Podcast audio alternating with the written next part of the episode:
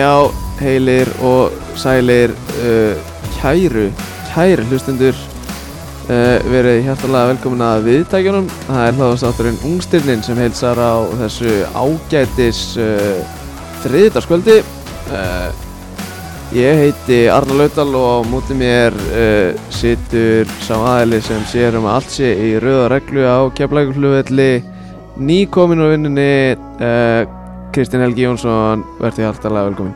Já, takk fyrir það. Þú varst svolítið lengi á leiðinni. Við ætlum að vera búin, eða við ætlum að vera byrjað að taka upp fyrir hálftíma síðan En Já, já, nú erum við byrjaðir. Uh, svona er þetta. Kannski útskýra bara svona af hverju? Já, og og slís, hálfstóti Já, Slís á brautinni, það er rétt fyrir framan álveri já, Þannig að ég var stopp í svona 20 mingur it is what it is Já, já, svona er þetta bara. Sko, það er ekkert eðlilega þungt yfir kallinum bara þessa stundina. Það verður, það bara viðkennast. Nú, Herru, ég er náttúrulega að byrja á því að fara á morgun eða ekki? Sem nota benni byrjaði 06.00 þannig ég vaknaði kl.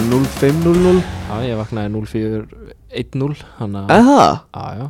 Ég er þungt yfir okkur köttalum í dag maður. Öss, öss, öss. En síðan alltaf má ekki gleymast að ég hef mætt á æfingu með þér klukkan 06.00 Já, var það svolítið? Já, þú mættir á eina og svo lést ekki sjá þig síðan. Þriðutags morgun æg, 06.00 Já, og þú bara lést ekki sjá þig meira. Nei, það er eins og það er.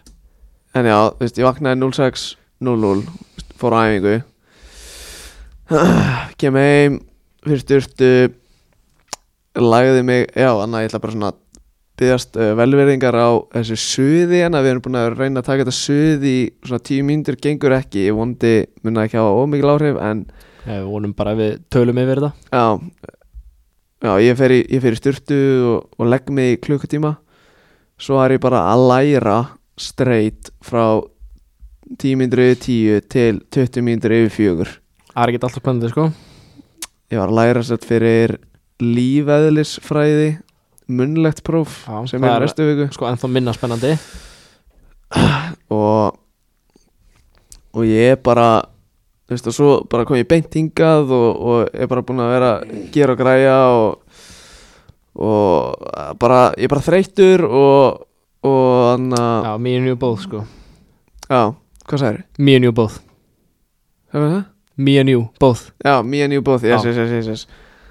Þú veist, ég ætla að ég ætla að, ég ætla að, þú veist, ég ætla að koma bara með svona dæmi úr því að sem ég var að læra útskýrið epoch hvers vegna kemur það og hvernig má nota breytilegan epoch til að meta þjálfunar ástand ein- einstaklings? Já, veitum allir svarið við þessu, sko. Já, já, epoch er þegar líkaminn er að endur nýja ATP og PCR byrðirnar losa sig við mjólkusýru sem myndaðist við loftfyrt efnaskipti fylla á súrefni byrðir hemoglóbíns og myoglóbíns og fjarlæga CO2 sem safnast yfir í vefjum efnaskiptarhraði og öndunarhraði er meiri sem eigur súrefnisþörfina.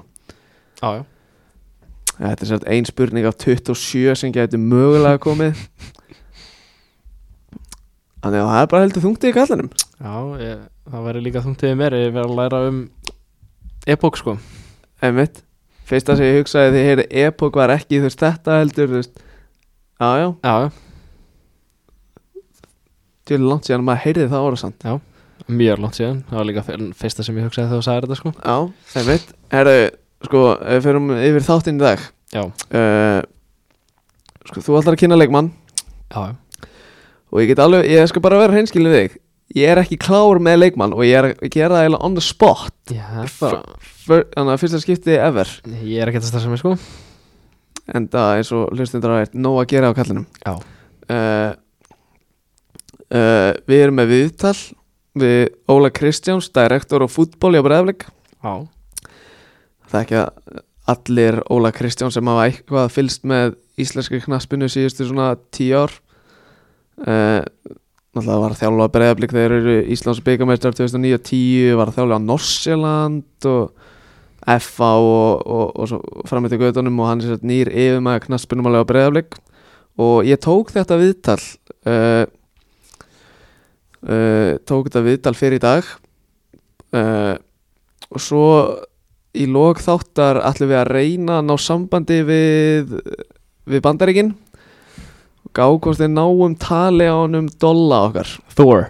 Thor Ulfarsson uh, hann veit að ég er að ringja þetta smá en það bara fer eftir hvort hann uh, sé satt komin heim af æfingu og eitthvað svona þannig rugli. Já, bara Gæti verið að sjóða frægur fyrir okkur svo er það. Það Já, uh, að getum við jafnvel farið UFA Youth League FM, whatever þetta er bara, já. svolítið bara svona free flowing þáttur. Bara hér og þar. Já, sko, geti, ég skal bara gefa þér á að byrja. Já, Þú, hann að, um hvernig alltaf þú að fjalla í dag, segir herru, það er One of my own. Já, Það er United leikmaður já, já, Alejandro Garnacho. Garnaggio Fættur 1. júli 2004 Takk. 17 ára, verður 18 í júli mm, væntanlega. Já, já, Fættur í Madrid En er samt með citizenship í Argentínu. Ok, Current International Samkvæmt Transfermarkt er Argentínu ok. En ég sé samt hérna þegar ég er að skoða þetta eins betur að í fyrra og núna í ári er hann að spila fyrir spænska U18 sko. Já, ég sé að hann, hann á engan úlingalandsleik fyrir Argentínu fyrir Argentínu. Sko, samt er einhvern veginn citizenship eða hans Argentína sko. Já, já, þannig að þetta er eitthvað svona þetta er eitthvað spes sko. Mm, uh, hann er sem sagt kantmaður mm, og hann er búinn að koma mjög mikið upp á á Instagram síðunum en einhvern veginn núna á þessu tímbili ok. Bara, Hvað, ég explore þá, eða? Eh, nei, bara United að posta, þú veist, af júþliðinu og, Ah, og ok. Rising Ballers líka og eitthvað svona. Mhm. Og sá er bara búinn að vera á eldi á þessu tímbili Já, það er svo leiðis væga sagt um, hann er yfir alla keppni búinn að spila 26 leiki 11 mörg og 5 stóðstíkar Ok, sem er alveg skýtsamilegt það er bara drullu gott já. í Youth Cup með 5 og 3 stóðstíkar í 5 leikjum sko. mm. þannig að hann er með 8 mörg og, stóðstíkar í Já, hann er 5 með leikjum sko. Hvað kallast þetta? Eh, Goal contributions. Hann er með 8 goal contributions í 5 leikjum í bygganum og þeir eru komnir í úslit Þekki það bara ekki. Held ég alveg öruglega Mhm. þeir voru að spila á móti Úlfonum Ok. Á móti íslensku ungstyrni Já, Pálma. Pálmi Rafn. Sett hann hann fram með honum eða? um, ég er ekki alveg nóg kláraði ég er alveg hreinskilu við. En uh, ég er nokkuð vissum að það hefði verið í, í jú í semifinals, jú, jú, það Jú, jú. passar. Spilaði 90 þar? Skoraði eitt. Endaði? endaði? 3-0 United. Þannig að þeir eru komin í úslit í FA Youth Cup. Mæta þar. Þú ert ekki með það kannski? Nei, það breytir ekki máli. Um, nei, nei, ég er ekki með það. Jú, jú, herru, ég er með það hérna. Not Nottingham Chelsea spila 4. april hinn undan úslita leikin Við Nottingham Forest? Já, já. Það ætti nú að vera straight forward sigur. Chelsea þar fyrir Nottingham Og þeir eru frægu Youth, Youth Academy. En hérna En já, hann er svona eins og kannski sést á tölunum hann er mjög, mjög sóknarsinnaður. Já, já. Kantmaður. Mm. með 11 og 5 í 26 leikjum í öllum keppnum og þarna 5 og 3 í, í 5 í Youth Cup sko. Mm hann er svona wants to watch guy sko. Vist, ég, ég, alveg hreinskilin vissi ekki neitt um hennar gæja. Nei. Fyrir hann byrjaði bara allt í henn að vera bara mm á eldi þetta tímabil og fóra hérna menn fóra að posta um mann Rising Ballers og United og eitthvað svoleið sko. Já, ég sá einmitt eitthvað Twitter buzz um hann væri vist bara eitthvað að ruggla já, hann er greinlega og ég var eitthvað aðeins eitthvað, ég leikum mér að horfa á parkur highlights á honum og þetta er bara drullu skemmtilegur kantmaður, en alltaf bara highlights skilur, ég hef ekki Já. séð hann í 90 mínútur sko. Nei, nei Ó, Ógnar með hraða sínum og krafti. Já, hann lúkar helviti vel út. Ok. Á, á boltanum og Mm. tækni og hraði og bara allt sko. Mhm. hann er varstu, varstu búin að koma inn á hvaðan hann kom með það? frá United þá? Já, nei. Nei, til, United, fyrir ekki. Atleti, Já, Atletico, Madrid. Er keiftan á 465.000 eurur Já, 2020 Já, það er alveg smá síðan Já, næstu í ár síðan. Er ekki Sko, ég er Ég var að tala um þetta við Sæbjörn Stenke en að rétta á hann Varum að tala um, þú veist, úlinga Gæna í United. Já, Þú veist, Hann myndist á hann að hann er bara með espri spilari. Já, við hann er 0-3 eða ekki? Já. En hann er samt, hann sniffar ekki aðliði samt sko Nei, það er alveg, þú veist eins og menn, þú veist eins og til dæmis, þú veist, Sjóla Sjöri Týre Já, líka í byggarnum á móti Middlesboro, þá þú veist þarna uh, Sítan Iqbal og Robbie Savage Mhm. Nei, jú, heit hann, nei, Jú. Char, jú, Charlie, Robbie, Savage allavega, Já. nei, yngri já, já, já Já Sp komu báðir inn á skiluru Mhm. en Mespri er einhvern veginn bara hann bara fær ekki breykið eins góður og maður hefur heyrt og séð og Mhm. lesið um bara hva, um hversu góður þessi gæi er sko hann var keiftur á bara 8 miljónir eða eitthvað frá Monaco Já, á sín tíma sko einmitt. þú veist þegar hann var bara þú veist 15 ára eða eitthvað Mhm. þú veist, hann er náttúrulega bara að slefa í 19 núna sko mm veist, Mhm. hann, já, það getur alveg verið 15-16 ára eða eitthvað Mhm.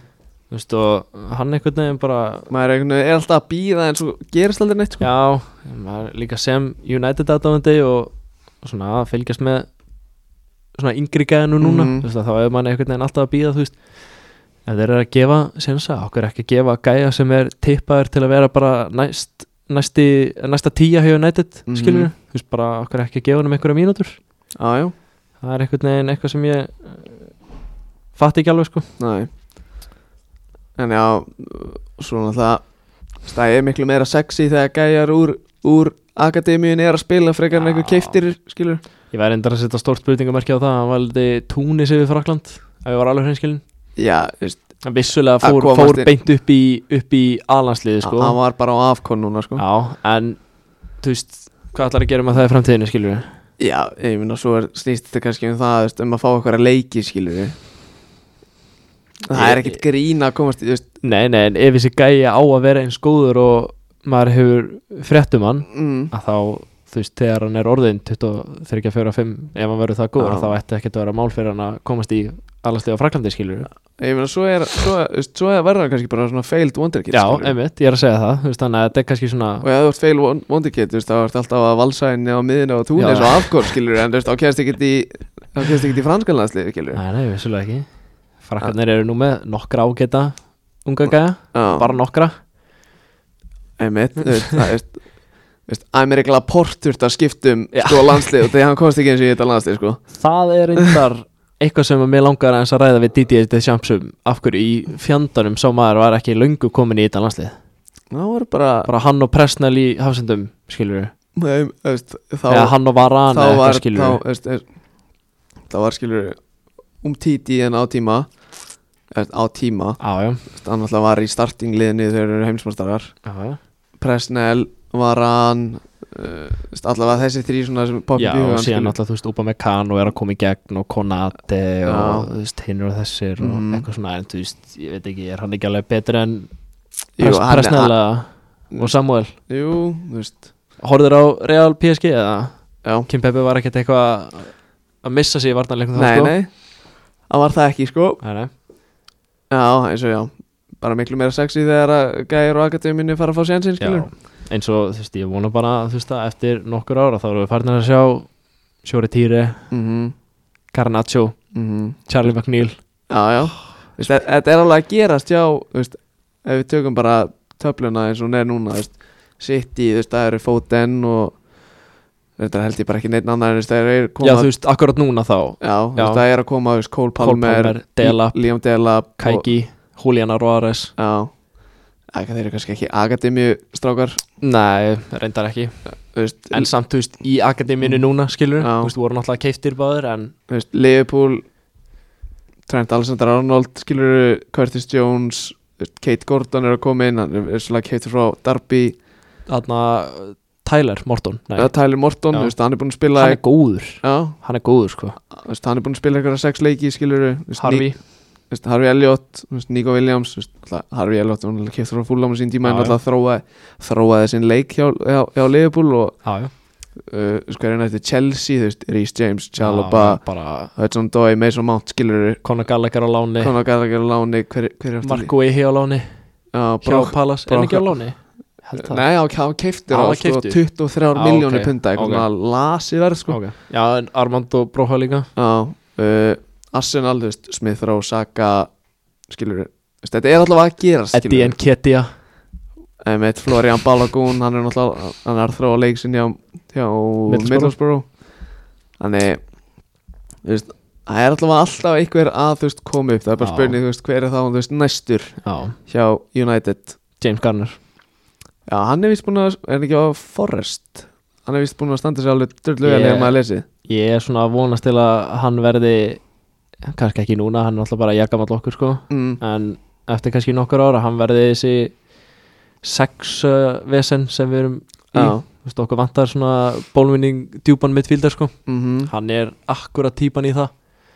Hann er- ekki sama maður eða? uh, duglegur búið. Já, já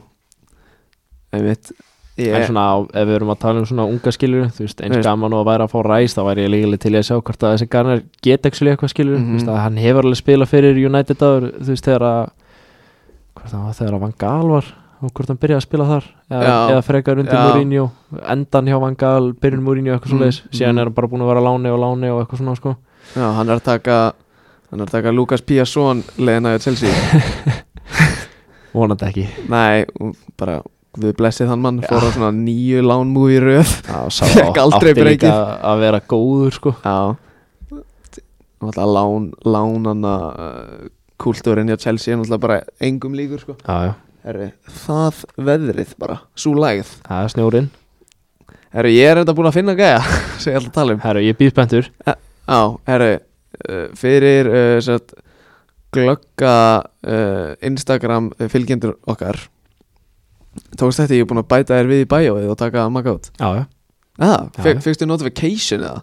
Nei, ég sá það uh, Þarna Joe Gerhardt markið. Já, þegar varst að tjekka því. Þegar ég hendi því Þarna uh, Náttúrulega ef þú ert ekki að follow okkur veist, á Instagram veist, what are you doing? Veist, við, við erum að detta í það steyttist í 800 followers. Já, uh, og ég meina og basically það sem við gerum á þessu Instagrami að við svona fylgjumst vel með um helgar oftast um helgar þú veist, hvað ungstyrni er að skora.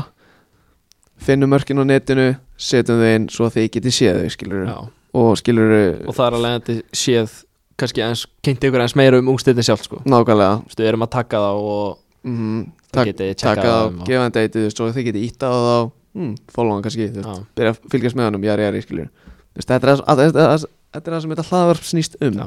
Þetta er svona kultúrin sko. Mm þú veist ég, ég, maður, þú veist, ég hef verið sagt þetta áður en þú veist, markmiði með þessu með þessu blessaða hlaðvarpi er að við kynnum eitthvað leikmann svo kannski segjum að þú kannski heyrir ekki um hennar gæja aftur í fjóra mánu segjum bara að ef við kemum með dæmi segjum bara Karim Adiemi á sínum tíma. Já, Þú veist, við tókum hann þegar Ísak Bergmann kom til okkar uh, Jólin hvað er þetta? Jólin 2020 já, og tölum Karim Adiemi og svo núna, þú veist, er hann mögulega að færa í Dortmund eftir tímabili, skilur hann er bara orðin góður að leikmaður. Það er svona, er já, eitthvað manni til veist Addi og þá Maggi, skilur, var að tala um það, veist, þetta er alltaf verið markmið en, já, fyrir þess að þá fylgjendur okkar sem hefur fylgjast með, þá ætla ég að fjallum uh, Arda Guler leikmann Fenebatse en ég setti þeim eitt vídeo á honum bara fyrir svona tveim dögum skora mark. En hann er sem sagt uh, Arda Guler er sem sagt fættur 25. februar árið 2005 uh, uh, hann er á fyrsta ári í mentó fyrir, fyrir það sem uh, voru ekki að átt að segja því. Hann er busi. Hann er busi. Uh, hann er tyrkneskur uh, spilar fyrir Fenebatse var ég búin að segja það kannski? Já, já, já, ég hef mitt treyju með Fenerbahce. Já. Inn í Jóa og hendi ykkur í merkingu segði bara, herru, hendi hann bara að laga líka merkingunum aftur á Knúsi Holm, já, hann, hann er aldrei að merkja þannig við hafnum fyrir, hann, hann er alltaf bara að merkja ykkur að grinda á ykkur treyjur en já, allavega hann er fyrir hérna í, ég ætla að gera þetta bara á staðnum sko, Já, Það er, Eh, engin, það er nú engin pressa á það sko fættur, fættur í höfuborginni getur það saman ykkur í höfuborg Tyrklands.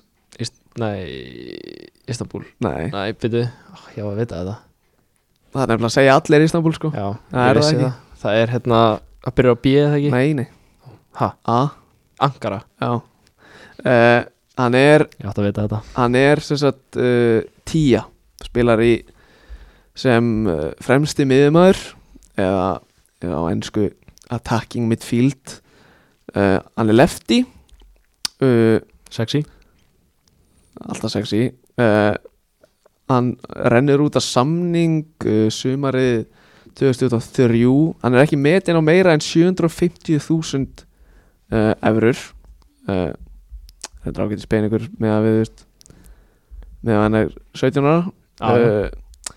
Ég fer aðeins í stat sinnans uh, því að veist, ég tók bara eftir svo netinu um daginn bara gamlir að það er gæði sem ég hafa gamla litli bróðum minn sem er að starta á Fenabassi já, uh, sko að ég fer yfir hérna um að sjá U19 ára uh, tölfræðinans þá er hann með 30 leiki spila fyrir U19 ára lið Fenerbahce og er þar með 21 goal contribution 14 mörg, 7 assist. Og svo er hann núna að byrja að fá sko tröstið hjá aðaliðinu og og er þar með sko 6 leiki spilaða 1 mark, 2 assist í deildinni og kom með 2 assist í tveimur leikjum í sambandstildinni sem er bara helviti, já. helvítið impressive með að við, með að við aldur Með að við busa. Með að við busa sko. Þannig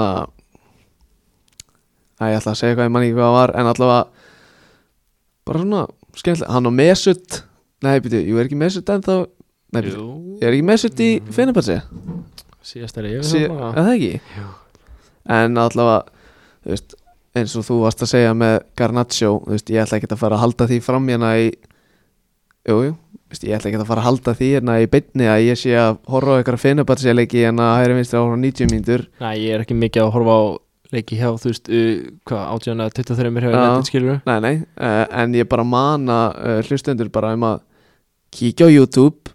uh, ég að mun náttúrulega henda einhverju klipp inn á honum á morgun þegar ég auglýst þáttinn. Uh, og vondið sjáum hann bara í stæra liði soon. Eða þú veist gæti líka alveg væri ekkit vittlust þar sem hann er 17 ára að taka kannski þangað til hann verið 1920 og svo fara í eitthvað svona Já, kannski aðeins að svona developa sig í kallmannsbolta í Tyrklandi, sko. Mm og Ég held að, ég held að þú getur alveg verið ver- verri stað til að gera það. Ég held að það sé ekkert eitthvað súkulega boltið þarna í Tyrklandi, sko nei, þeir eru helviti fastir fyrir líklega hana í Tyrklandi. Eða svona ef, ef þú hugsa kannski bara um svona stereotypunar skilur þeir eru uh, sko, fyrsta stereotýpa sem ég hugsa á Tyrklandi er Arda Túran mm, Og hann sko segir eitthvað rámt við hann og hann sko fær stáltakana í pönnuna, sko. Já og svo bara hefur maður séð veist gæjana á netinu þú veist þegar Ísland var alltaf að spila í Tyrkland. Já, þeir eru fár veikið það sko. Já. Þetta er bara passion ja, í lagi, sko. Þannig Já, sko Þetta voru alltaf leikmenni sem við ætlum að kynna uh, ekki bara fara næst í Óla Kri? Já þú, þú er þáttastjórnandi. Já, herru Talaði við Óla Kri í, í dag. Uh, Mjög skemmtilegt viðtal. Óli er bara eins og uh, þeir sem, þeir sem vita eitthvað til Óla Óli er mjög fróður um fótbolta og er mikill svona pælari. Og mér finnst mjög áhugaður hlusta á hann ég spjallaði við hann bara um veist, hvað er hlutverkið hans hvað eru veist, hvað er markmiði, var að tala um veist, áskir galdur uh, og bara ím, ímislegt fleira og og já, ekki bara heyra í Óla. Jú, það eru mjóla Jæja, Óli, hvað hva, hva segir þú gott í dag? Ég segi bara hljómandi gott. Er, er læðin að er fara í liðig? Ég er farin að venni eftir þessu.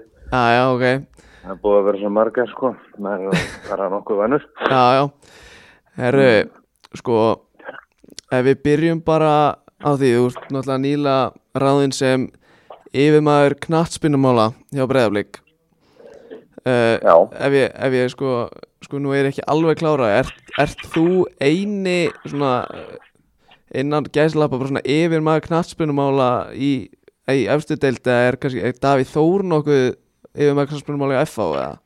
Ert þú svona þinn fyrsti þinna tegundar?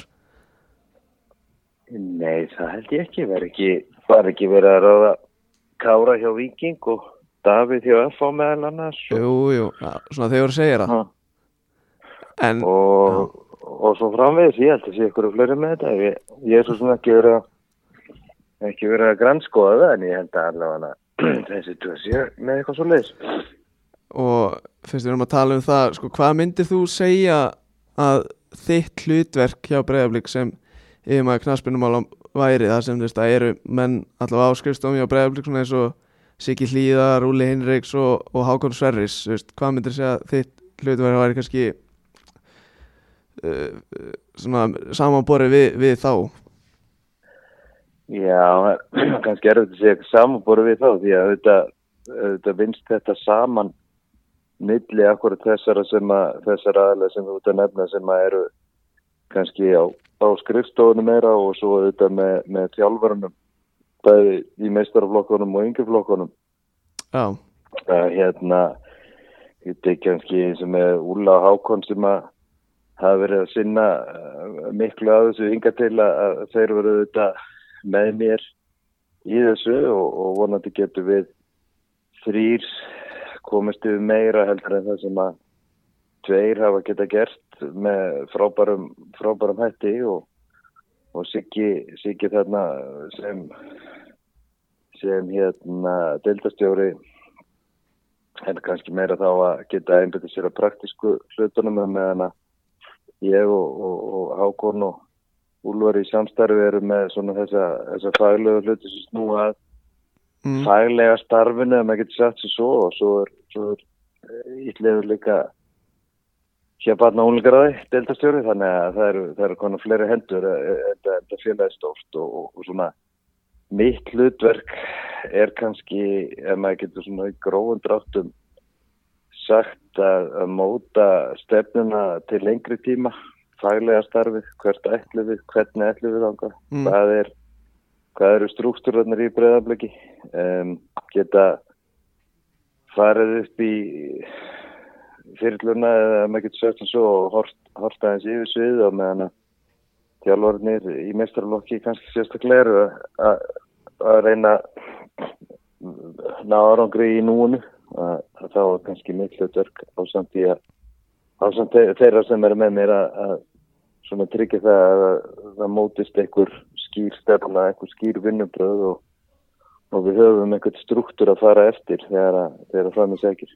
uh, talar einmitt um þessa, um þessa stefnu en að blika, er þú að þú ert alltaf búin að vera erlendis og mikið hér heima í kringum klúbin er þú að koma með eitthvað eitthvað nýtt inn í svona þessa stefnu hjá breyðaflik sem búin að vera undanfærin ár Ég vona allavega að ég geti komið með eitthvað sem sem styrkir það sem hefur verið vel gert og, og, og, og bætir ykkur í já, og, hjálpa, hjálpa félaginu á þannhátt að komast lengra. Það er, ef ég á svona, það, það er svona verið, hvað við segja, menn hafa verið að leita svolítið eftir hvernig getum við komist lengra, hvernig getum við komist áfram, hver, hver, hvernig getum við bætt struktúrin og svona vinnuna til þess að, að ná kannski enn betri árangur félagin stekka og, og fleiri yrkendur og, og, og þú veist að sinna ákveðinu grunnfjónustu og svo komið eitthvað svona ákallum það að það veri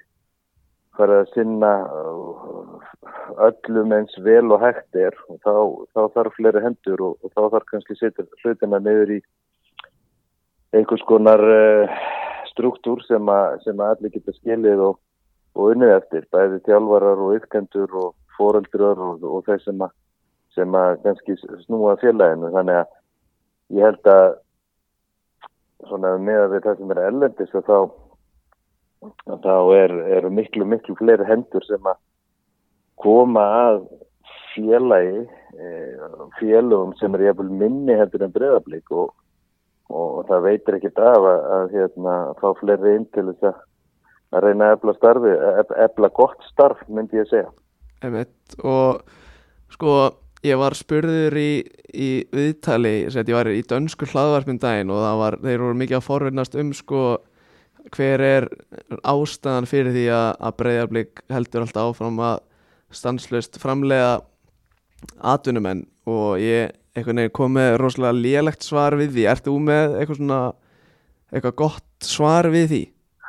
Hvað er svar komst þú með? Sko, ég fór, ég fór mikið í sko, sko aðstöðuna og svo fjöldan og gæði, gæði, þjá, gæði þjálfarana sem breyðafleikur með. Og fannst þið það lélegt svar? Já, ég var kannski kom því ekki nóg rétt, rétt frá mér, er, er það kannski bara rétt með því að mér? Var það út á dönskunniðinni eða innihaldir? svona innihaldinu á ennsku ég, ég tala ekki dönsku því miður sko. Ég, nei, ég, ég held að, ég held að það, sko, það er alveg erfitt að svara af hverju eitthvað svona á sér stað. Ég menna það er búið að reyna að svara af hverju Ísland náð, hefur náð þessum góða árangri með, með landsliðin, bæði kall og hvenna undanförnum árum og, og það er einhvern veginn sko, það, það, það er og veru bara hægt að velja sér eitthvað svar út af því, því sem hættar. Ég held að Ég held að aðgengi að því að spila fókbalta eða fókbalta sé mjög gott og það, það, það er það í, í, í bregðarbliki. Það er mm umhverfið sem hefur skapast að það eru að verið mjög góði þjálfar það eru vel haldið utanum og, og, og svona ekki bara af hálfu þjálfarna heldur líka af uh, þeim sem standa að yskandunum, foreldranum og, og það hefur skapast svona góðu kultúr sem að, sem að þarf að sjálfsögða byggja áfram á. -hmm. Síðan þegar það hefur gert að, leikmenn hafi, hafa komist lengra náða árangri að þá er einhverju að líta upp til og það er einhverju sem að þeir sem að eftirkoma vilja gerna fyrir í fótsporuna þannig að það er svona margir þættir sem eru samverkandi og auðvitað auðvitað góða aðstæða almennt en, en, en það er akkurat það sem þarf að reyna að halda áfram að gera og gera enn betur og bæta vegna þess að að, að kröfunar e, verða alltaf meira og meiri og, og við viljum geta hlúða þeim sem eru yrkendur og, og, og veitum ennþá betri þjónustu og mm. Það fer ansið mikið tími og hefur farið ansið mikið tími á þeim sem eru svona standað svona fjalla í, í eðlilega í bara rekstur og, og yfir um sjón og koma allum fyrir og finna æfingasvæði og æfingatíma Mm. og, og þá kannski ég á samt, á samt fleiri góðum að fá hann kannski tækifæri að fá hann tækifæri til þess að, að svona reyna að móta, móta stefnu til lengri tíma út frá okkar faglegu þekkingu og, Mhm. og auðvitað, auðvitað hjálpar það að, ég þekki félagið ágjörlega eftir að hafa verið verið innan hún sem, sem þjálfari í, í daggóðan tíma þannig að, að hérna, það, það verður vonandi bara að við getum, við getum bætt ennþá ofan á en ég held, ég held svona skýring af því af hverju það, er volið erfitt að hitta naglan á höfuði sko. Þetta er svolítið, já, já, þetta er svolítið erfitt er, er, er, að fá eitthvað nákvæmt svar út úr þessu. Ég svo er að örgla bara líka komið undir, hérna, undir einstaklingunum sem hefur ræðið komið sko að hérna að segla og draut segja og auðvitað, geta og, mm -hmm. og Mhm. hæfileikar sem að sem að fengi að njóta sín í góðu umhverju og vekja aðtekli og, Mm og þá komast menn, komast menn áfram sko. Einmitt, og sko, anna, með þessari stefnu sem hefur verið hjá okkur undanfærin, ár, veist, við hefum verið að selja sko bestu ungu leikmenn okkar kannski á þriðja og öðru flós aldri, bara eins og Kristján, Hlinu Freyr, núna nýla Áskir Galdur og Ágúst Orri og þessi strákar. Mun, sko, held, heldur þú að við munum einhver tíman sjá svona stert liði á breyðablika eins og eins og þitt Íslandsmeistarlið 2010 þar sem þú ert með stráka, veist, Alfreð, Kitty Steindó, Skumi Kristjáns, Ella Freyr, Kitty Jóns, uh, Arnór Sveit, Finnur Orri, uh, Andrea Bjóman, Haugur Baldins, veist, þetta er allt strákar, sko, held ég 22 og yngri nánast, uh, Já. þú veist, með, með anna, heldur að, veist, við munum einhvern tíma að sjá svona ungt blikalega aftur ef, anna, með þessari við, já, svona þessari stefnu ekki það að ég er að setja út á stefnuna mér finnst þetta mjög flott en veist þú skilur hvað ég á við. Sko, sko þetta, er, þetta, er, þetta getur bæði verið stefna þú getur, þú getur útskipt þetta með þetta sé stefna þetta er líka ákveðin þróun. Þróunin ellendis er í þá átt að félagin þau vilja nálgast leikmennin og náðu leikmennina yngri og yngri. Mm, og þegar það hefur verið á þannig að Jésúsum hef ekki verið ekki verið involverar í, í, í það sem hefur verið að gerast á undanfæran ár en, en, en þegar að leita eftir eftir þessum leikmannum að þá þá er það tvent í þessu. Auðvitað, auðvitað veit, klúburinn að, að menn fá þetta tækifæri mm, en, en hérna það þýðir líka það að að öllu öllu gefnu að, þá þá eru þetta kannski þeir leikmenn sem að kannski eru líklegastir, væru líklegastir til þess að koma, koma inn í, í mestarflóðsliði hjá breðabliki og þegar þeir eru horfnir á braut mm, að þá eru það einhverja aðri sem að sem að fá möguleikan og geta stíð inn í, inn í liðið. Og það er kannski það að við þurfum að við höfum ekki bara fókusir á þess að allra allra efnilegast á hverju tíma eða bestu eða hvað maður kallar þetta heldur líka hlúa hinnum og, og bæta þá gæðin í þjálfunni mhm, en, en það væri líka mjög gott ef við gætum verið samkjörnishæfur við það sem lagar þessa stráka sem við erum að tala um út því að, því að þeir eru ekki að fara já, í fæstum tilvöldum eða allra fæstum tilvöldum er að fara út núna á þessum aldri hvort eru 16 eða 17 eða 15 eða hvað veit ég já, og fara í aðaliðin. Þeir eru að fara að efa með 17 eða 19 ára liðum akademíuliðum, emitt auðvitað á þeirri vegferð að komast inn í aðaliðin mm, en, en þeir búa bara við uh, aðstöð og umgjörð sem, að, sem að við þurfum að spýta í lóana hérna á Íslandi til að ná.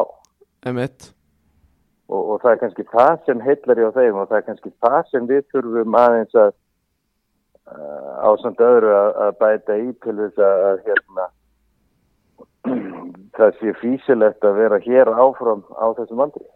algjörlega, það var einmitt það var einmitt næsti punktur hjá mér var að veist, fara að spyrja hvort að veist, það væri erfiðar að selja mönnum veist, að vera áfram í, í breyðablík og í staðis að fara erlendis og æfa með úlingarlegum Ég, ég held að það sé bara almennt séð vegna þess að ef þú bara tekur hvað, hvað þeir, þeir fara að æfa með uh, til dæmis í þessum tilvökunum að tveimur síðustu FC Kaupmannahöfn og Malmö. Þar Mm. eru að æfa með liðum það sem er valið uh, inn í þessi hvort sem eru já, 17 ára lið. Mm, þar að segja að það er, það er Malmö og FCK að velja úr stórum hópi. Og það er ekki þessi breytt sem er hér. Þar að segja að það er ekki 100 strákar eða 123 plassaðingu næ, heldur eru kannski 18 til 24 eitthvað svo leiðis mhm það gerir það að verkum að, að fókusin á hvern og einn veru meiri það gerir það kannski að verkum að í og með eru fleiri að svipuður reiki konu saman að gæðin gæðin verða meiri. Mhm, Uh, það eru fleiri þjálfarar, það eru kannski aðstafa formi, ég meina, ef þú ert að sinna skólanámi eða eitthvað slíku þá er hlúða því á þessu stóru félögum, það er uh, sjúkraþjálfarar sem eru, eru til taks uh, og umgjörun er bara orðið miklu meiri. Og svo þetta bætast það líka ofan á að að, að, tímabilin, sem er leiki, kæfnistímabilin eru lengur, þetta fá Mhm. fleiri leiki og jafnvel, jafnvel uh, einhverjum tilvægum að fá, leiki á, á alþjóða level sko, við, við, Mhm. við önnur ellendli já, og með að við erum svolítið einangraðir hér í að, að spila faxaflóa mót og, og svo sem betur fyrir eins og í þrjaflokki Íslandsmót orði, orði lengra. Þannig að við, við erum aðeins að, klóra í, í bakkan en, en það, það, má, það má bæta mikið. Og sko þú talaðir á hann um hann að strákana skilur sem set fara ekki út og hann að þróa þá. Uh, sko myndir þú segja sko nú, nú er ég til dæmis leikmaður, leikmaður augnablík sem er venslaleið blika mm. hvað, þú veist, ert þú hrifin af þeirri hugmynd að láta til dæmis veist, bestu strákana sem eru annarflósaldri vera í veist, augnablik í einhverjum einhvers konar fullorðsbolta og þróa leiksinn þar eða ertu meira bara hrifin að kannski að spila bara einungis með öðru flokki? Einmikið með örfloknum Já, ég sko ég held að ég get að gefa eitthvað eitt einlík svarið því að, að það, það, er, það er sem að gerist er það að þú ert búin að vera eins og, og gerðar hjá okkur að þú, þú ert í einhverju félagi, kemur inn í eitthvað félagi eins og þín tilfelli, tilfelli breðablik og mm, svo hefur þú tækifæri til að spila þar þangar til að öðrum flokknum líkur og þá lendur í því að þá þarfst aftur inn að taka afstöðu til þess að ef þú ert ekki valinn til þess að fara inn í meistarflokkin og það, mm, það kannski er orðið svona nokkuð ljóst á, ein- á einhverjum, einhverjum tímapunkt í öðrum flokknum og þá, Mm. þá stendur fram fyrir því að þurfa að, finna út hvað það ætlar að spila fótbolta því ég finnst það gaman. Mhm, og þess vegna er það mjög gott ef þú getur haldið áfram að spila í þessu þá venslafélagi sem tengist tengist klubnuðinu þar sem þú ert búin að vera ansi mikið. Já, ég held að, ég held að til dæmis strákar sem eru á miðár og öðru ári, nei þriðja ári í, í öðrum flokki hafi gott að því einhverjir mm, að fara að spila með svona venslaliði í fullanisbólta já, og það þýðir það að þeir eru ekki kannski að blokkera fyrir ykkur aðra sem eru að koma þá í þriðjaflokki þannig að við þurfum aðeins að segja, færa kúfin niður. Hann er svolítið, hann er svolítið þú, þú lendir kannski að vera með marga og elsta ári í öðrum flokki. Mm, og þeir eru að spila í öðrum flokknum og, og, og þá ítiru ítiru öllu dótinu niður í staðin fyrir að reyna að íta því áfram og, áfram og upp mhm, ef við skilum hvað er að meina. Og það, það, það, ég held að sé alveg kjörið að vera með já, Einhver, einhver, einhverju segja að, að, og tala gegn því og segja já þá fá önnur lið ekki þessa leikmenn. Mhm, en, en í mörgum til, tilfellum að þá komast þessi leikmenn ekki að hjá öðrum liðum að því að önnur lið segja einfallega að þeir eru ekki nógu góðir eða við veitum eitt hverju er og, og, og sækja sér þá jafnvel eldri leikmenn að útlendinga þannig að mhm, þú veist, við verðum að hugsa um okkur og, og, og, og, og hvernig staðan er með allan hennar fjölda og reyna að skapa vettvang fyrir sem flesta. mhm.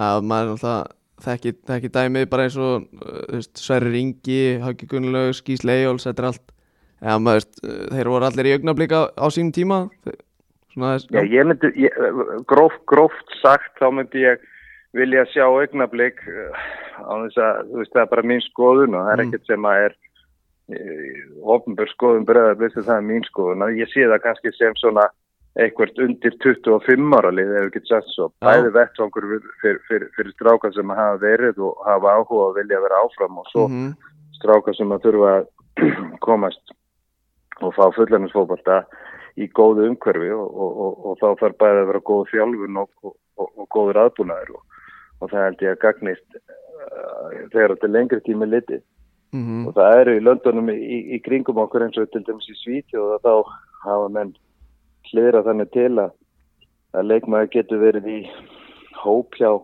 aðliðin og spilað með venslaliðinu í, í deildakefni en, en, en hjá okkur er þetta rosalega rosalega erfitt vegna þess að það þarf alltaf einhver félagaskipti til að geta, geta spilað með þá meistarafloknum eða aha, e, og, og, og það, það hindra svolítið þennan möguleika sko. nei mitt uh, tölum hann að sko Áskir Galdur er núna var nýlega seldur til FC Kaupanafnar og það er sko talað um að hann fer fer hvað, fyrsta júni að júli Já, hann fer í, fer í sumar þegar að hérna glugginn eh, opnar ætli sé ekki í júli ef maður rétt Já, sko nú eh, hafa sumir verið að velta fyrir sér sko mun Ásker Galdur vera hluti af uh, meistarflokki breyðarbliks bara að þanga til eða er eitthvað samkominlega með til blika á FCK hvort að, að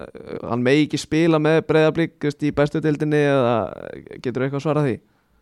Já, hann hefur bara er, er hérna leikmaður breyðablið sláka til hann sláka til hann fer út til FCK Ok, alright Herri, þarna sko, þú sem nýraðin yfir knaspunumála sko, þetta er kannski svolítið æru spurning en myndirðu segja að þetta sé einhvers konar sko, einhvers konar stepping stone, þú veist, ertu að ertu nokkuð að býða eftir að það sé eitthvað þjálfur að losna erlendis eða heldur að sé, þetta sé bara nýr kapli í þínu lífi eða?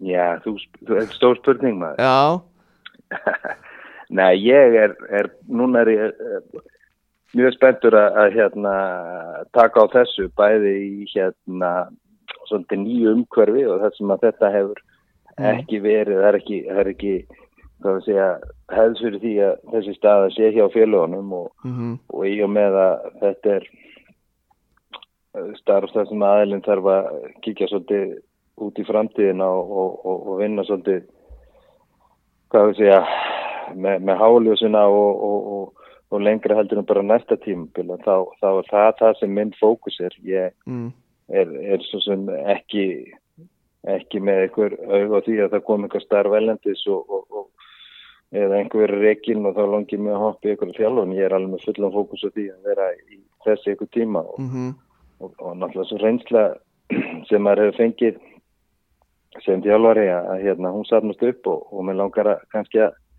sjá hvort ég get ekki beint henni þenn- þessa átt. Ok, alright uh, Og þarna, sko, ef ég, ef ég fer aðeins aftur að, að hlutverkinu þínu, þarna Man ekki hvort þú myndist á það áðan En er, er sko þitt starf sko, eitthvað, eitthvað tengt meistaraflokknum að einhverju viti?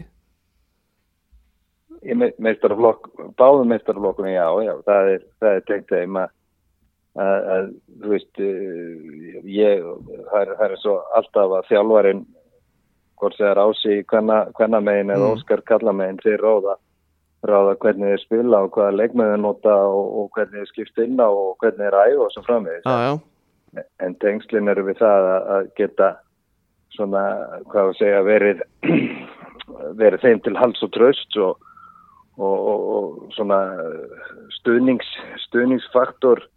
Mm, því að þjálfara sitja oft mjög ennmanna með, með sínar hugsanir og pælingar og, og það er ekki alltaf víst að, að hérna, byggja bleiksmiður sem er í stjórninni, hann sé tilbúin að fær og rétt að ellin til að svara svona öllum pælingum sem að þjálfarinn er með þannig að já, ég, ég kem til með að vera þeim til hals og tröst með, með þeir muni alveg halda sínu sínu sjálfstæði sem þjálfarar. Ég hefði sj- sjálfur ekki þóla það að það væri eitthvað sem kemi og segði mér hvernig ég ætti að velja liðið og hver er ætti að vera og svo mitt ég verið það alveg 100% Ok, herru, sko, smá, smá útudúr það sem þessi hlaðvastáttur snýst mjög mikið um, sko, unga leikmenn, þú ert, eh, sko, ég veit nú ekki hvort ég meini með greina frá því, þú ert liðbúlmaður, eða ekki? Jú, jú, Já, sko, ef þú mætti ráða uh, næsta sumar Jude Bellingham í Liverpool eða, eða Erling Haaland, þú mætti ráða hver kem inn, hvern myndir þú velja? Inn í bregðarslið Nei, inn í Liverpool. Já, inn í Liverpool. Ég myndi ég myndi vilja sjá Elling, Elling Brot Hólandi í Liverpool, engi spurning. Og, og þá þá, þá hvað, þá henda, henda, manni til spánar eða? Nei, þú, þú settir Ja. ekkert neins Nei, nei. um það að það er þetta hendi einhverjum í burtu. nei, nei, ég, ég gerði það ekki. Nei, Herru, ég held að, held að það getur verið mjög skemmtilegt að sjá skrýmsli eins og hann eh, komandi úr því umhverju sem hann hefur verið spila aggressífa fótbolta spila með Liverpool og fá Mm. þá þjónustu sem að sem að sendir hjá Liverpool fær, fær frá konton. já, já, mitt uh, þarna sko, þú ert þarna að fara, þú ert að fara að leikreina í kvöld hvað, Atletico Madrid Manchester United og svo Benfica Ajax, ert þú líka að leikreina annað kvöld? Já, það er svona meiningin að ég sé því. Sko, Lilla Chelsea.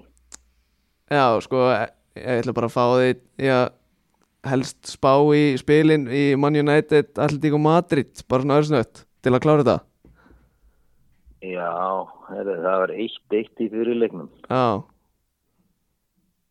Sko nú er ég búin að horfa á fyrirleikin aftur og ég var Sof- alveg nokkuð? á því, sopnaður nokkuð? hvað þýr þau? Sofnaðirðu nokkuð yfir- hor- horfa á fyrirleikinn aftur? Það er þetta-. Já, Nei, Já, já. ég var hissa á því að mér fannst, mér fannst allir góð taktist hérna gera United skák og mát. Mér fannst þeir svona physical og intensity og, og þess að það standa um langt, langt framar. mm, Svo sá ég eins og Ronaldo gera þrjú um, um helgina. já, já, Það var, það var, fóru millisvæði og skutur utan tapp inn eftir fyrirgjöf og, og skalli eftir hotni já, Ef, að- ef að þið ná að laga aðeins taktíska framkvæm sína með fyrirleikina þá á heimavelli myndi ég segja að þeir ættu að fara áfram það væri, væri slíseðir fara ekki áfram en ég er allir rættur um að þetta verður leikur sem fyrir framleggingu sko.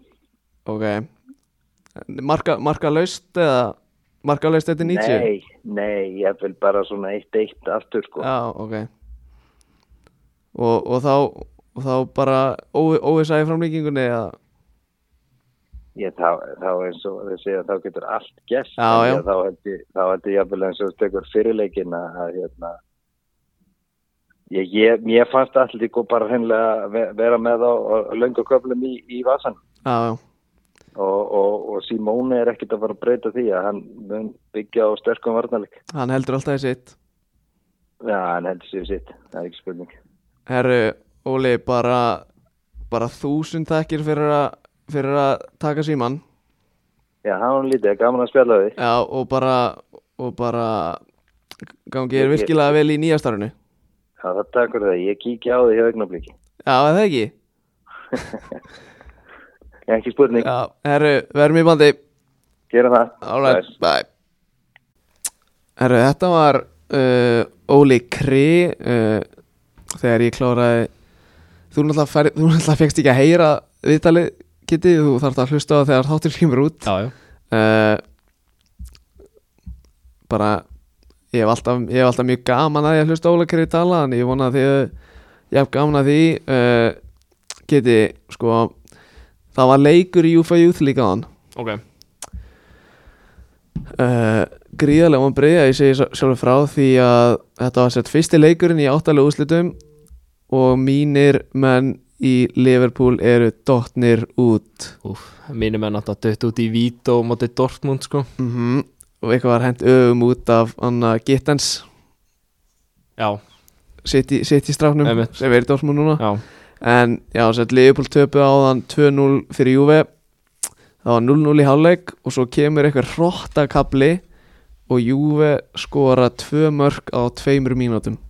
67. og 69. já Æmitt, Þetta- það, Þetta eru leikmenn sem ég vissulega þekki ekki. Þetta eru Miretti og Gibozzo Kannast ekki Grazi grazie, grazie Og alltaf þegar ég horfi á liðs uppstillingunni á Leifupúl þá svíður mig alltaf í augun út af því að þetta er stilt upp sem bara 5, 4, 1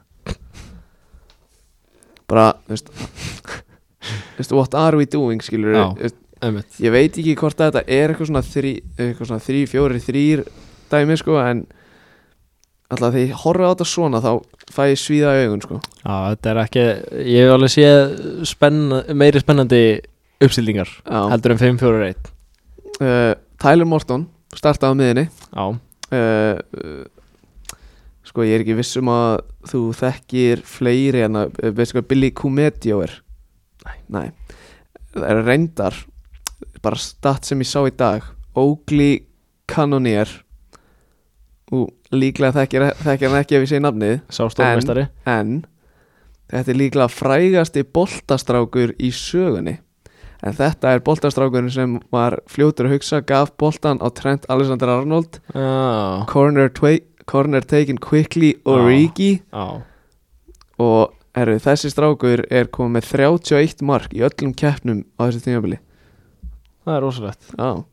Það er rosalegt ég er bara nokkuð nokkuð, ég- nokkuð sem að ég sé á Twitter en Væntar að þá strækjar já, hann er stilt upp á miðjunni í treyju nummer 9 Já.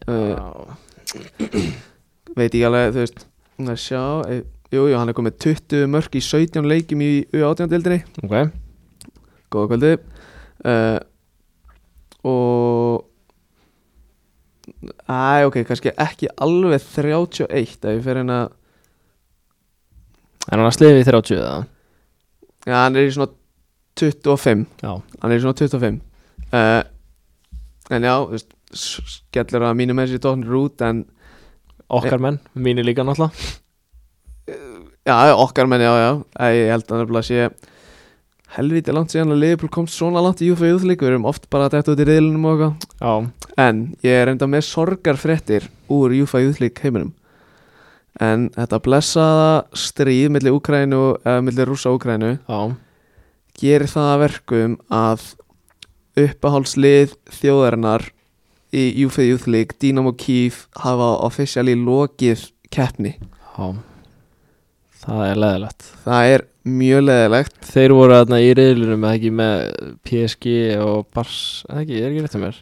Nei, þeir eru, þeir eru með Barca, Benfica, Bayern. Já, já, fyrir ekki. Skildu eftir Barca og Bayern. Já, þeir unnu reyðlun Nei, ég lendi öðru með held ég einu, st einu stíja eftir Benfica eða eitthvað, Ok, ok. sem er Benfica náttúrulega þekkt powerhouse í já, UFA já, lík já. sko. þeir áttu sér að vera að spila í Sporting Lissabon en ég held að Sporting fari sér sagt átó Já, áfram þeir eru bara að draga sig úr keppni Já, ég held- ég held það, sem sko. gangi, já. Já. sko leikinni sem eftir eru í þessu eru er þetta það er að segja Paris Saint-Germain á móti Salzburg Ok, uh, 3-1 sigur PSG ok, fíla, þetta prediction uh, og svo fara strákarnir hans Fernando Torres til Þískalands og spila við Dortmund Ú, drengin hans Fernando Torres hendi náttúrulega erkihvendu sínum í Real Madrid öfugt úr keppni á heimaðalli sko. Já. nei, eðst, á Alfredo Di Stefano vellinum. 2-0 Dortmund. 2-0 Dortmund. Já, þeir eru, náttúrulega- þeir eru með helvítið Þeir að eru alltaf Herru, og þessi leikir sko fyrir þá sem er að hlusta á þáttin á hádegi svo að þessi þáttur kemur líklega út svona 11 á miðvikudeginu miðvikudaginn. 16. já, þá eru þessi leikir miðvikudaginn 16. klukkan 1 og klukkan halv 4 Dortmund leikurinn hálf fjögur. Dortmund leikurinn er halv 4 PSG Salzburg er klukkan 1 Já, maður getur þurft að kíkja á það. Já ég nei, nei, ég verð að læra fyrir, ég verð að læra fyrir lífelsveið Já, ég næ ekki Ég næ mögulega einhverju af fyrirleiknum En Dortmund leikurinn þá er ég bara í miðju flugi. Herðu talandi um það. Sko, þú þarft að vera með takeover á gramminu Ok. Bara, þú veist, okkur ekki bara bjóða bara eitthvað content, skilur Ég, er náttúrulega, ég, var, ég var að fara yfir þetta á hann Já, Shit, ég er svo spenntur. Það er náttúrulega sko útskýrðu hvað er í gangi Já, sérst ég og Hafsteinn Gunnarsson, já, já, stórmeistari já, já. uh, Erum að fara til Andrafannas Baldurssonar. Mm. uh, Og hérna Erum að fara á Tvo leiki, Mm fyrst í Sambandstildinni Conference League. Og þetta er ekki smá leikur. Já, það er FCK PSV Setni leikurinn, fyrir náttúrulega 4-4 Rosalegu leikur. Ha, nei, þetta, þetta er grínlaust eitt besti fótballleikur sem ég horfði á. Ég horfði á alla 90 mínútur Já. þetta var rosalegt. Og hérna Og það er náttúrulega höfum væntalega Þið hafa náttúrulega væntalega farið yfir Þú veist FCK er náttúrulega með andra Og þeir eru með hérna Ísak Og síðan er hérna Rúni. Rúni Bardacci, tala, 2005 bara. Já, tal, aðeins taldi um hann hann að svo sem var að lýsa leiknum Stefán Átni Pálsson Já, á stöðu 2 hann er uh, veit ekki alveg veist, söguna veist, en hann er alltaf um, uh, þáttastjórnandi setni bylgjunar sem er handbóltaþáttur og hann var að lýsa þessu leik veist, hann, alltaf, hann veit augljóslega eitthvað um já en þegar, þegar að Rúni kom inn á og fekk boltan hann, hann, hann sko fyrst að Rúni eitthvað, bara veist, eitthvað, Rúni eitthvað, svo var hann byrjað að hendi Barda eitthvað, Barda. Bara stytta þetta.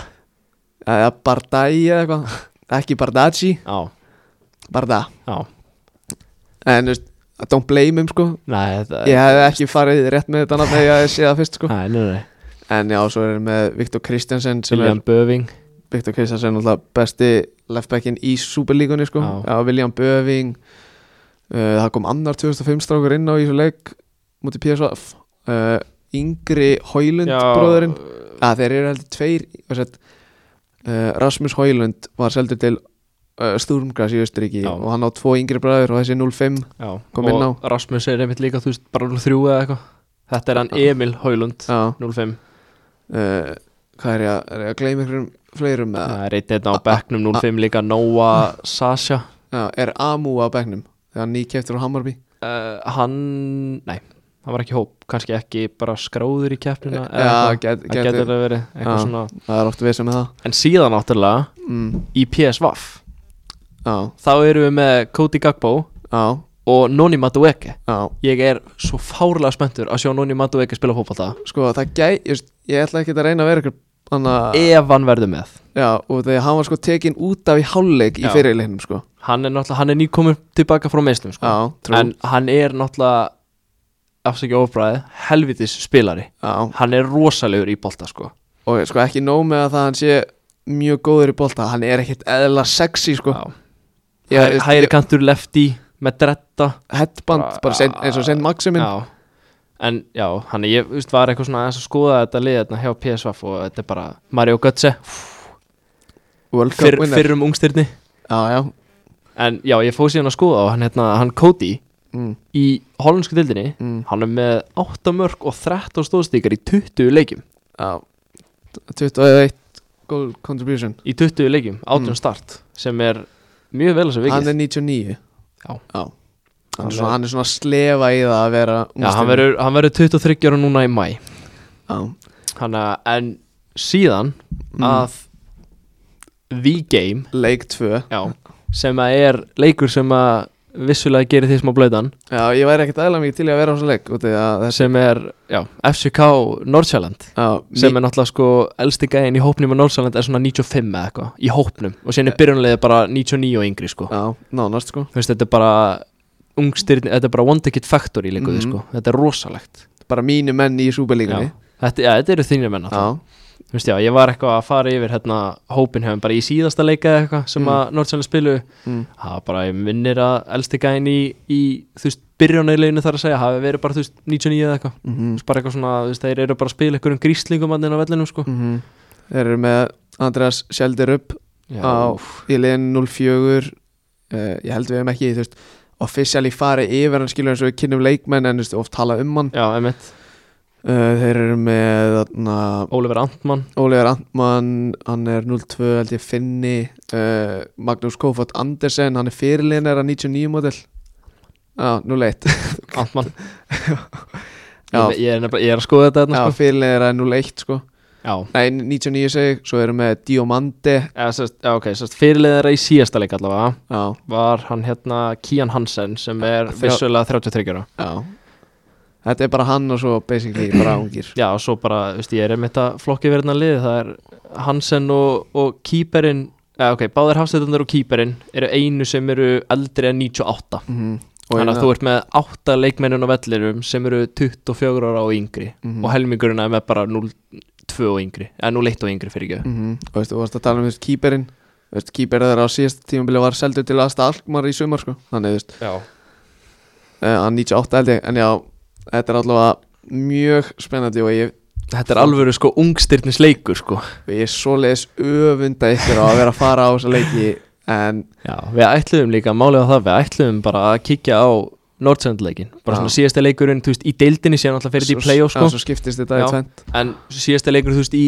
deildinni þar að segja deildakeppninni sko. Mm. og hérna og bara svona heimaleikur, bara já tjekkum bara á andra náðum að skella okkur, síðan erum við að heyra í andra þegar við erum að bóka með hana, hann bara já, herru, þið veitir samt að það er líka leikur á fimmtudeginum í Evrópu, Mm yes. PSV fáum líka alvöru leik út af fyrirleikurinn endaði fjögur fjögur sko.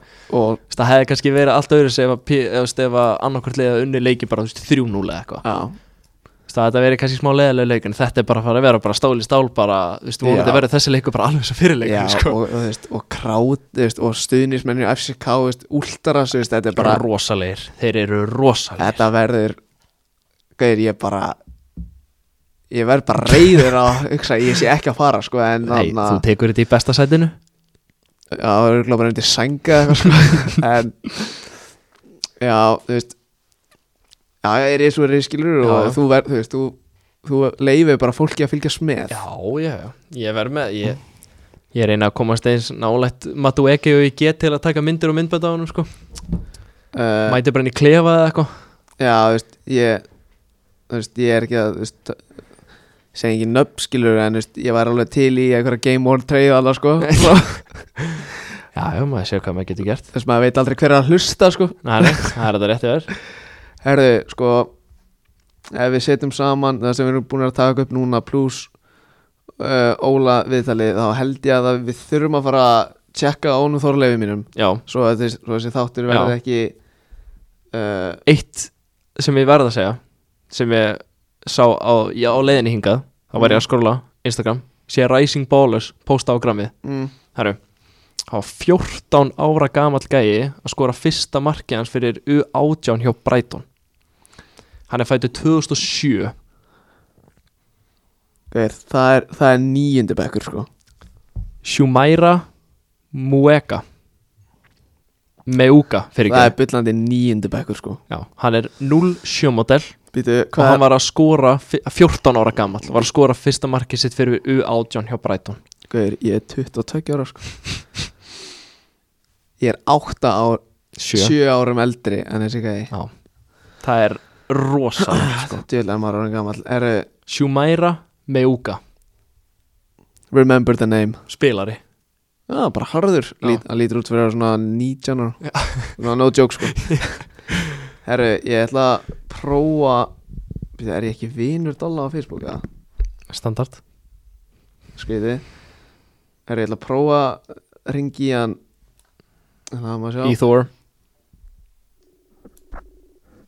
Heyrist þetta ekki það? Það er bara hækki í mæknum Sælir, Blessaður blessaður. Hvað segirðu kallið minn? Ég er feskur þú. Ég er bara mjög góður, þú ert í beinni Eða þú veist, já, þú ert í beinni Næs, næs, næs. uh, Kitty Curry er hérna á móti mér Vá, blessaður Curry. Blessaði Thor. Herru, já, þetta er stórt. Sko. Ertu ekki, Já, þú ert bara léttur segirðu? Ég er bara lettur hliðin heim, Houston Traffic bara. Houston Traffic bara. Mikil trafík að Uh, galið, sko. Herru, uh, ef við byrjum bara á að spyrja bara How's life in, in, in Houston, Texas? Ég var að sjá, þú ert komin í einhverja nýja íbúð svo ég. Já, maður er loksins fluttur í íbúð, sko. Maður var í hótel hana í tvo, tvo mánu eða eitthvað. Þannig að það er gott að vera svona komin í íbúð og aðeins að setja inn, sko. Já, sko sko þú aðna ef við, ef við förum bara svona aðeins í uh, þú veist, náttúrulega það er líklega smargi sem þekkja söguna en að uh, núna allavega en ég meina leikmaður sem var að spila með Kela the Cat fyrir ekki svo lengur síðan uh, fer þaðan að frá því að spila með Kela the Cat í, í Ólasvíkina og svo stuttu senna komin í MLS uh, ef, ef við ætlum nú bara að reynskilir dóli bjóstu við þessu þegar þegar þú varst að spila með kættinum Alls ekki maður, skilur þið kætt. Það er að sjáta á hann maður, samt alveg en nei maður, maður er í, er í fjóruðu dildina á Íslandi fyrir tveimur árum. Sætt. Já, Uh, nei, sjálfsög ekki, en maður það bara, þú veist, flott að maður sé á eitthvað svona stað, þú veist, það er ekkert slæmt að vera í og annir, en maður það bara að vinna hart að sér og leggja hart að sér og mm, þetta bara svona sýnir að maður getur farið ennþá þótt að maður sé, þú veist, 19 ára í fjöldinni, þá getur maður ennþá alveg gert eitthvað út úr þessu, sko. Mhm. Og, já, svo er ég liðlegast til, hvað, að liða í sögunni örgulega lengi til líka þess að það er Nei, nei, maður, maður, maður ekki bara harta að sér og, og þá kemst maður, getur maður farið hvað sem er maður. hvað heldur að koma yfir? Já, Dóli, ég er með spurningu Yes. uh, sem sagt, þegar þú ert í í dúk og ert að skora mörg og ert alveg að standa þarna í háskólaboltanum úti uh, hvena ferða svona að kikka inn í sambandi bara við, þú veist, draftið bara, herru, shit, ég get mögulega að vera draftaður ég geti, þú veist, varstu að búast við því alveg að vera svona ofalega, þú veist, hvernig er allt prósessið með það svona þegar að fer að nálgast lokin á háskólaferðunum og lokin á tímbelinu og draftið er að koma og allt það? Já, þetta byrjaði náttúrulega bara fyrir, fyrir fyrsta tímabilið. Við vanalega ekki tímabilið um vorið, sko, í háskólanum, eða út af COVID, það og síst stóð mig ekki vel þar, ég skor ekki fjögur marki, tólleikjum eða eitthvað, þannig að fyrir, fyrir haustímabilið þá var ég bara að spyrja liðsfélagna og svona hvað það maður að gera og hvað, hversu vel það maður standa sig til að komast í eða, eða sensa á þessu. Og menn voru að segja svona 12-15 mörg og, og liðið þarf að komast langt, svolítið langt í, í einstakleikjafni, þannig að ég setti bara hausinn niður og, og hvað, skoraði 15 mörg held ég fyrir dúk og komst í 16 lóðslut sem það maður getur að fara lengra en það er bara svo það er. Já, svona er þetta bara. Já þú veist þetta maður þetta byrja svona kick-in þegar ég var hann að hvað svona 12 mörgum að byrja maður að heyra þetta sé eitthvað möguleiki og maður er að fá eitthvað svona DMs á Instagram eitthvað frá einhverjum agencies og eitthvað svona, þú veist, þá byrja maður að svona fatta alveg, þú veist, þetta geti alveg gæst og svona og svo maður, fekk ég þetta innvæta mig í kompæni og þá var eiginlega bara hausinn settur á þetta, sko, en neittist náttúrulega í kompæninu, en það kom ekki vel fyrir að nei. En eins og, eins og þegar þú ert að byrja sérst, fyrst þegar þú ferð út er þá markmiðið bara, þú veist bara, herru, ég ætla að standa með þarna í dúk og þú veist, er að fara að reyna að komast í þetta draft til að komast í MLS eða varstu meira kannski fyrst að hugsa um, þú veist, skólan af þessu eða, Sko, ég get alveg verið hinskilinn. Ég, þú veist, ég hugsaði bara hvað, ég er tvítur að fara út í, í veist, ég er ekkert að fara að aðtum að lengur, sko, það er alveg fara í líka, sko. já, Þannig að ég, veist, hvað, þegar ég fekk dúka frá bara, herri, þú veist, bara, hvað, topp 5 skóli í bandarækjunum, námslega séð og líka góður í bolta, þannig ekki svona samin þetta, þannig séð. En svo þegar ég, svo þegar maður ke kemur út í umhverfi og svona byrjar að tala við fólk sem veit aðeins meira um þetta, þá, svona sér maður að þetta sé alveg möguleik, sko. já, þú veist, þá fór svona raunveruleikin að kikka inn bara, herru, shit, ég get bara komist í drafti, skilur Þá var ég svona, heyrðu, ég er með eiginlega bara svona one last chance að meika það núna. Já, Þá sett ég, þú veist, þá var ég bara, heyrðu, ég ætla bara að standa vel hérna og, og reyna, já, reyna að gera emmitt En eins og, Að það já, en eins og með drafti sjálft hreinskilni, varstu að búast þau að fara svona ofalega í draftinu? Já, já, eiginlega, þú veist, hvað maður var eitthvað Alltaf mokkdraft sko. fram hér í tímabilsins eða eitthvað svona í bestu deildinni og svona og, þú veist, já mokkdraftin, jú, ég heyri þarna eitthvað mokkdraftina Já. maður var 19. og svo 12. eða eitthvað Já, en þú veist, svo er, maður, svo er ég náttúrulega bara í beinu sambandi við umbásmanni minn, sko, hann er að segja að ég er, þú veist, 80% að fara í Houston þannig að, þú veist, þá er ég svona nokkuð vissum að ég, ég sé að fara að hanga, sko, ég vissi alltaf að ég væri að fara að hanga já, emmitt Ég- Sko, sko, Dolly, ef við, eh, þú veist, fyrir þá bara uh, til Houston, þú veist, uh, þessir, þessir fyrstu, fyrstu mánuðir, þú veist, er þetta, er þetta búið að vera eitthvað svona eins og, eins og bjóst við, eða, þú veist, er þetta eitthvað betra, er þetta, skilur, eða fattur hvað ég á við? Er er þetta svo áttur, þú veist, von á? Já, eiginlega, sko, þú veist, um, það er alveg góður undirbúningur að að æfa breyðablík, þú veist, breyðablík er bara frábært lið og, og með þess að þjálfara núna, þú veist, tempoið er rugg gott á æfingum, þannig að það er mjög gott að vera með það svona fyrirfram til að undirbúið sig fyrir þetta, þannig að þetta var ekkert eitthvað rosalega stökk, en þetta er náttúrulega, þú veist, atvinnumenn sem er að fá, veit ekki hversu mikla miljonir, sko, á hennar mánuði, sko, þannig að, jú, jú, þetta, þetta var alveg stökk, en þú veist, maður setur bara hausin niður og 150% í alla æfingar og þá, þá er maður bara góður, sko. og, og þessar, þessar rookie, rookie duties sem fylgja oft í, í bandaríkjunum, ert að, ert að finna mikið fyrir þeim eða? Já, ég, ég fyrsta daginn á mætti inn og ég var að drepa þetta í kálfunum. Þetta ég var, ég var á hótelinu hann fyrst að byrja með og ég ætla ekki að koma mér í gett hlaupaform að hann ég byrja að æfa. Já, Berfættur á hlaupamaskinu og ég var að drepa þetta í kálfunum eftir að grínast. Ég gæti ekki labba svona þrjáta. ok, Svo var fyrst, fyrsta æfingin mætti inn í prísjónsun eitthvað og, og veist, ég var að hafa aldrei verið með nuttara í æfinu í einhverju lið, þannig að ég bara, heyri, ég bara, fyrst, ég var fyrstur á æfingarfæni, ég bara, heyri, ég tek hann að nuttara, bara, veist, hann er bara að nutta með gálána hérna. já, Svo var hann bara, að nutta mér svona 15 mínútur liðnar og það voru allir mættir í. Þeir voru bara, hvað er þessi rúki að gera á borðinu, eftir að grínast, hvað er að djóka, hvað er að gera svona? já, Ég var bara, nei, hvað er ég búin að gera? En nei, nei, þetta er styrta, já, maður þarf að taka, veist, maður er að hjálpa kitt með henn og svona, fullt að hann í dæmi, en þetta, er ekki slæmt maður. Er, ert ekki líka svona unof unofficial, að vastrákur, waterboy? Ég sá, ég sá það, ég sá, það var eitthvað sem- sem kommentaði það á gramminu Já, myndin var sko, ég að drepa því ökklum hann að daginn fyrir hann, ég þurfti að taka game ready með heim, Já, ok, ég þurfti klaka hann, ég sagði þetta klaka í dungi fyrir mig, já, já, hvað samt bara hörðu út- hörðu mynd út þannig, þú veist, Mm. það er að fyrir. já, ég skilji, herru, sko, þú ert, þú ert sko búin að vera þarna, hvað ertu búin að vera í marga mánuði?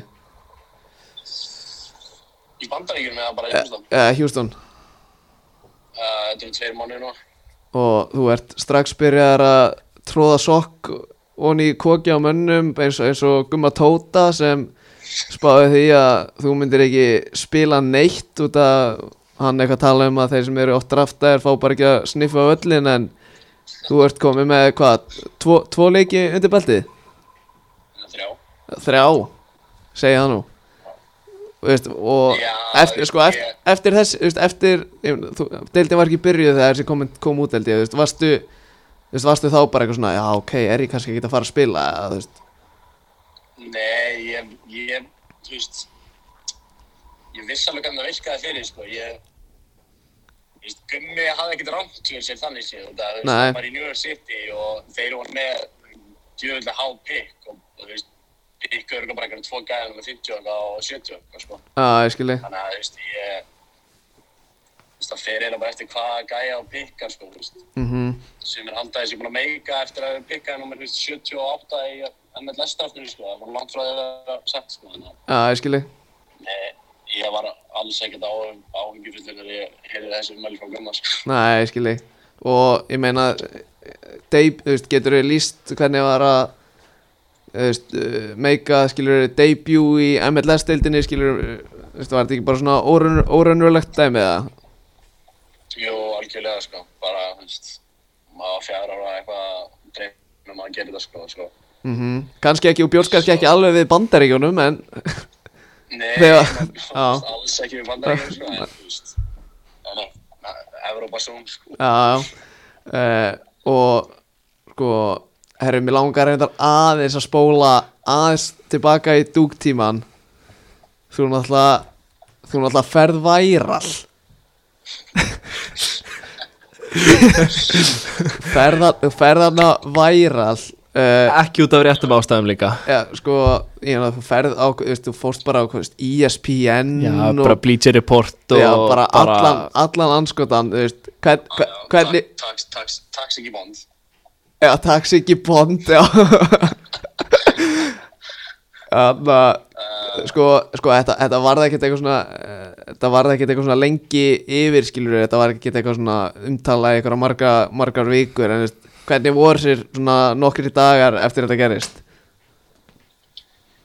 þú veist það en þú veist, kót, þú veist, sjálfurinn var ekkert eitthvað svona æsið sig yfir sem fyrst en svo menni yfir honum í trúkur brjála sko, og þá var hann brjálaður til mig og Já, maður, maður þurfti að sitja okkur að fundi og eitthvað svona sko en þetta blés mjög flott yfir sko. Já, já, ég er að segja það. Þetta var ekkert það slagt sko. Nei, og veist, ég get alveg veist, ég er svona að reikna með því að þú veist svona þegar, þegar, þegar þú gerir þetta þú varst ekkert eitthvað svona Æ, ég veit ekki, þú veist, þú bjóst kannski ekki við að þetta er þið skilur baklasið skilur yfir við þessu skilur Eða hvað? Nei, algjörlega ekki sko. Veist, Nei, ég held ekki að það væri svona stórt sko. Ég, þú veist, að ég sagði bara eitthvað hluti sem að ég væri ekkert að að repeata sjálfur sko. Já, ég mitt ákvað bara að hendi eitthvað svona, þú veist. Já, býri, var þetta, já, var þetta sér þannig að þú veist, hann sagði eitthvað fyrst? Já, hann var búinn að þú veist, segja eitthvað. Já, sko, það þú þarf sko, ekki að, já, ég skilji sagði ég var bara með já, ok. Þú veist, ég ákvað að hendi á 20. mínútu bara, ég, þú veist, ég er að fara að henda hérna. Já, ég skilji Þetta er, ég, ég fiskaði gæja út á svona 20, 2050 Já, og ég var svona, við erum einu manni færri og við erum bara að vinna hann lengur. Þannig að, já, ég, ég hendi hennan því miður, en já, maður hlær Já, maður hlær bara, þú veist maður ma hlæra þessi í dag. sko. Já, já Og ég menna það var ekki, það var ekki eins og þetta kom slátra möguleikunum á að fara í dætti, sko. Nei, ég mitt, ég var að segja þetta, þetta kom ekki að sögu, skilur, horfum á, horfum á stærri myndina, sko Já, þú veist, það var alveg möguleiki á því, sko. Ég, þá var ég svona, þá byrjaði ég fyrst að sjá eftir þessu, sko. Já, ég mitt þegar menn voru að segja þú veist þú veist, núna, núna er möguleiki að þú getur ekki verið pikkað út út af þessu sko. Þá var ég svona þeirri anskot sko. Já, skilji En, en, já, en, Herru, já, já, herru, spólum, spólum aftur hana, til uh, Houston, Texas. Herru, þú áttu von á er hann komin til liðsvikar en þú, ja, þú áttu allavega Hector Herrera, leikmaður eða fyrir um leikmaður allt ykkur Madrid er að ganga til liðsvikar, er hann komin til Houston eða? Hann er ekki komin, hann, hann kemur eftir og líka. Hann er bara núna í byrjunlega móti United á eftir bara Eða? Já, hann er bara að spila eftir 6 mínútur bara. bara harður skilur svo er hann bara mættur svo er hann bara mættur að æfa með þér uh, stutt á milli í þessu Gjössanlega gali, sko. Og veit, þú veist, hún myndi vera að slá mig utan undir ef að ef að ég sagði til mig að að ég væri að fara að spila með Hector Herrera eftir, eftir, árið eða eitthvað, sko. En hérna Hvernig var svona, þú veist, í sambandi við Hector Herrera og það sæningu og allt það Hvernig var, er svona, þú veist, svona liðsfélagarnir búin að bregðast við því að þið séu að fá bara alvöru spilara til eitthvað bara núna í sumar Ég held að séu bara allir, allir spenntir í því, sko. Þú veist, það eru ekki nokkru miðjumenn sem eru ekkert eins spenntir en Nei, það hlýtur samt að gera rosalega mikið kannski fyrir liða að fá gæja sem er búin að vera að spila á hæsta levelinu í svona langa tíma, sko. Já, þetta er náttúrulega bara huge signing sko.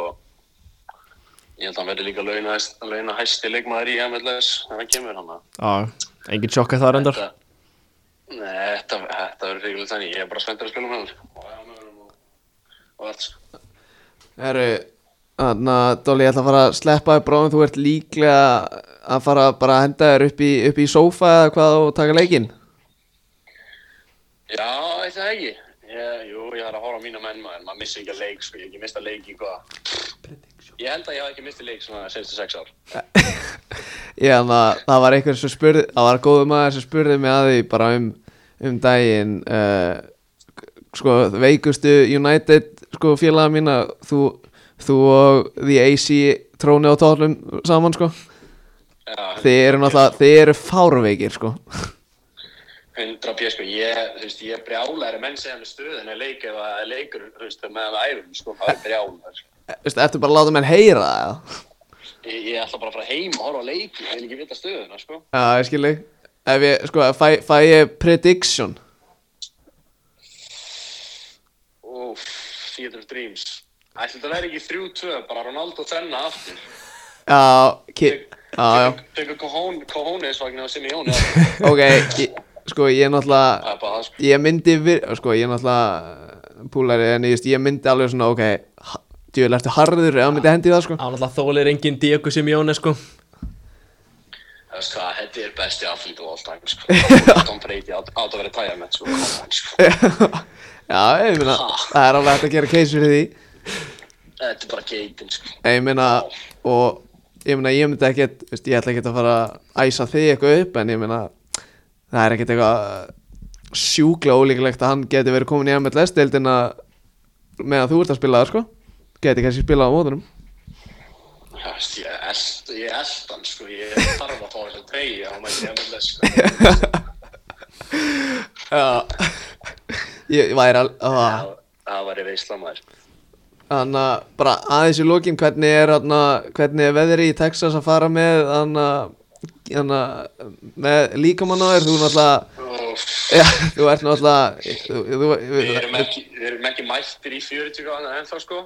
við erum náttúrulega ok, svo náttúrulega þeir sem vita ekki þú ert náttúrulega, þetta er ekkert leinugum mál en þú ert náttúrulega veist, það er, hægt að debeita um það. Er þetta að debeita um það?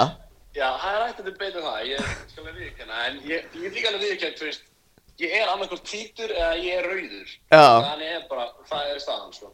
Þannig að, ég akkurat núna er ég rauður Já, og ég verð bara rauða, ég, sko, þannig að já, þetta lítur, eh, útlitið er ekki gott. nei, og hvað þá þegar við erum komin í 40 gráðunar? Ég, ég, bara megi allir góði vættir vaka yfir dollanum í Houston, Texas. Menn er að segja ekki að þetta anda á það, ég er ekkert spenntur, sko. Já, já.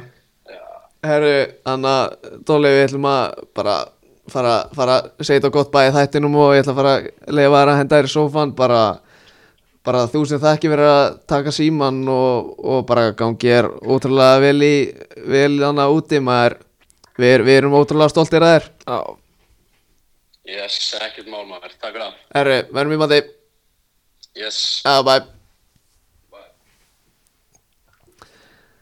Herru, það er kontenti í dag.